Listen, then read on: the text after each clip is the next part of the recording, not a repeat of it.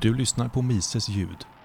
En podcast där du lyssnar på artiklar från mises.se. Dagens inläsare Magnus hälsar dig varmt välkommen.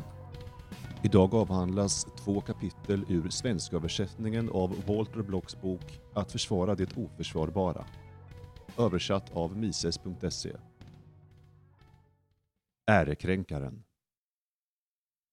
Ska yttrandefriheten bara skydda det som den politiska eliten betraktar som önskvärt?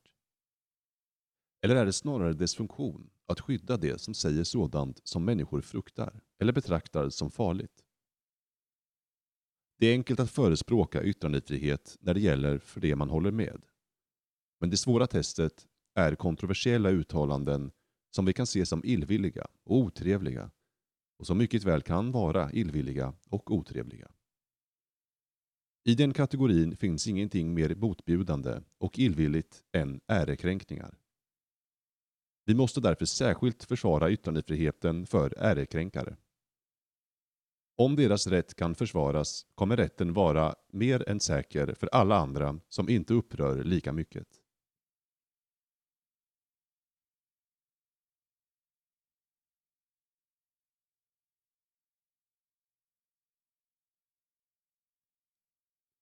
Snyfthistorier Anledningen till att medborgarrättskämparna inte har engagerat sig för att skydda förtalares och ärekränkares rättigheter är uppenbar.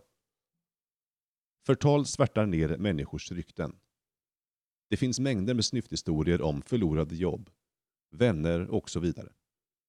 Istället för att bekymra sig om yttrandefriheten för förtalare och ärekränkare har medborgarrättskämparna velat skydda det som fått sina rykten förstörda som om det vore oförlåtligt. Dock har skyddandet av en persons rykte inte ett absolut värde. Om så vore fallet skulle vi tvingas förbjuda de flesta sorters ofördelaktiga påståenden även om dessa är sanna. Ofördelaktig litterär kritik eller satir i filmer, pjäser, musik eller recensioner skulle inte vara tillåtet.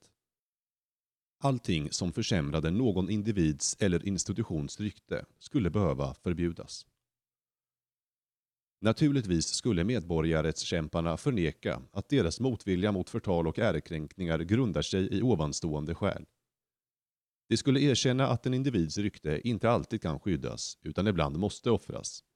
Men de skulle också hävda att detta inte ursäktar ärekränkare. En människas rykte är inget man ska ta lätt på, och det ska inte skadas utan goda skäl. Frågan är då vad en människas rykte är. Vad är det som inte ska tas lätt på? Det är uppenbarligen ingen ägodel som kan sägas tillhöra honom på samma sätt som hans kläder gör. Faktum är att en människas rykte inte alls tillhör honom. En människas rykte är vad andra människor tänker om honom. Det består av andra människors tankar.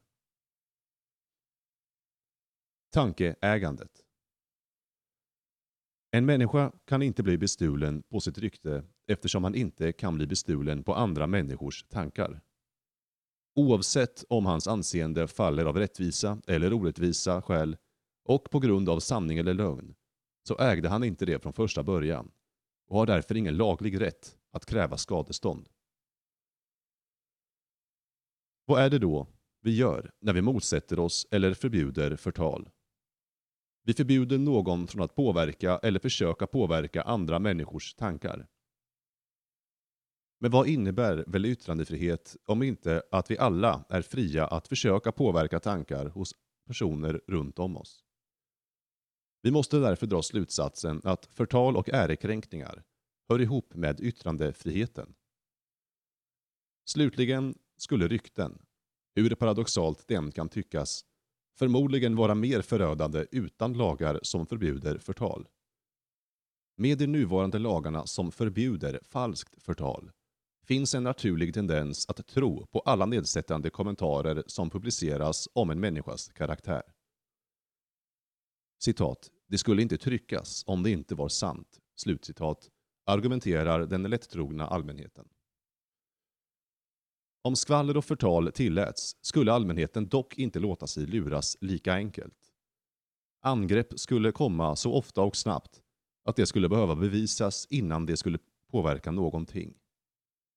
Organisationer liknande konsumentorganisationer som Better Business Bureau skulle kunna startas för att möta efterfrågan på snabb men korrekt information.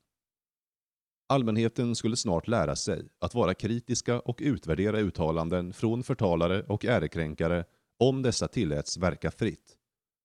De skulle inte längre automatiskt ha makten att förstöra en människas rykte. Arvtagaren De som ärvt sina pengar ses ofta som oansvariga och lata personer som njuter livets goda utan att ha förtjänat det. Det kan måhända stämma in på många i den gruppen.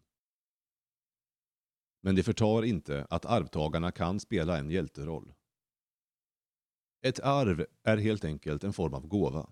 En gåva som ges vid ögonblicket då döden inträder. Precis som gåvor som ges vid någons födelse, dop, giftermål eller födelsedag kan det definieras som en frivillig överföring av resurser från en person till en annan. Man kan därför inte vara emot arv och samtidigt vara för andra typer av gåvor. Trots detta är många just det. Deras motvilja mot arv underbyggs av bilder och tjuvar som skickar stöldgodset vidare till sina barn. De ser hur medlemmarna av den härskande klassen ökar sina rikedomar, inte med hederliga medel, utan genom statliga subventioner, tullar, kvoter och licenser, och hur de kan skicka välståndet vidare till barnen. Detta måste stoppas och ett avskaffande av arvsrätten förefaller vara ett sätt att göra det. Det skulle emellertid vara omöjligt att avskaffa arvsrätten om inte alla former av gåvor samtidigt avskaffades. En hundraprocentig arvsskatt, vilket är en åtgärd som ofta föreslås för att avskaffa arvsrätten, skulle kunna kringgås. Pengar och egendom skulle istället kunna överföras i form av födelsedagspresenter, julklappar eller liknande och föräldrar skulle till och med kunna sätta upp fonder åt sina barn där villkoren förskrevs att barnen inte fick röra pengarna förrän föräldrarna avlidit. Lösningen på problemet med ohederligt skapande förmögenheter och ekonomisk brottslighet ligger inte i att hindra nästa generation från att ta del av pengarna utan i att förhindra att skurkarna får behålla de pengarna de stulit eller lurat till sig. Fokus bör läggas på att återföra den stulna egendomen till de rättmätiga ägarna. Någon kanske hävdar att en hundraprocentig arvsskatt är den näst bästa lösningen. Eftersom vi inte har möjlighet att ta ifrån de kriminella deras stulna pengar bör vi kanske lägga resurser på att förhindra att de för tillgångarna vidare. Detta är dock en motsägelse. Om det inte är möjligt att komma åt ekonomisk brottslighet på grund av att brottsligheterna kontrollerar det politisk-juridiska systemet, är det sannolikt inte heller möjligt att ta ifrån dem deras tillgångar genom en hundraprocentig arvsskatt. Även om det vore möjligt att införa och driva in en sådan skatt skulle det jämlikhetsmotiv som ligger bakom alla sådana åtgärder förfelas. Verklig jämlikhet innebär inte bara lika fördelning av pengar utan också av icke-monetära resurser. Hur skulle de som kämpar för jämlik fördelning åtgärda de ojämlikheter som det innebär att en del människor ser och andra är blinda? Att en del är musikaliska och andra inte? Hur skulle de hantera sådana missförhållanden som att några har lätt att vara glada medan andra är melankoliska? Ska de ta pengar från de som är för lyckliga och ge till de som är för olyckliga? Hur mycket är lyckan värd? Räcker 10 kronor per år för att kompensera fem extra lyckopoäng? Det befängda i en sådan tanke kan få jämlikhetsivrarna att förespråka en andrahandslösning av det slag som diktatorn i Harrison Bergeron, en novell i Kurt Vonneguts Välkommen till aphuset. I den berättelsen tvingades starka människor att bära vikter för att på så vis få ner dem till samma nivå som de svaga och musikaliska personer tvingades bära hörlurar som spelade upp olika högt buller i förhållande till hur gott musiköra de har. Detta är den logiska följden av jämlikhetssträvandena. Att avskaffa arvsrätten är det första steget på vägen. Det är arvtagarna och arvsinstitutionen som står mellan civilisationen, som vi känner den, och den värld där varken talang eller lycka är tillåten för att inte hota jämlikhetsidealen.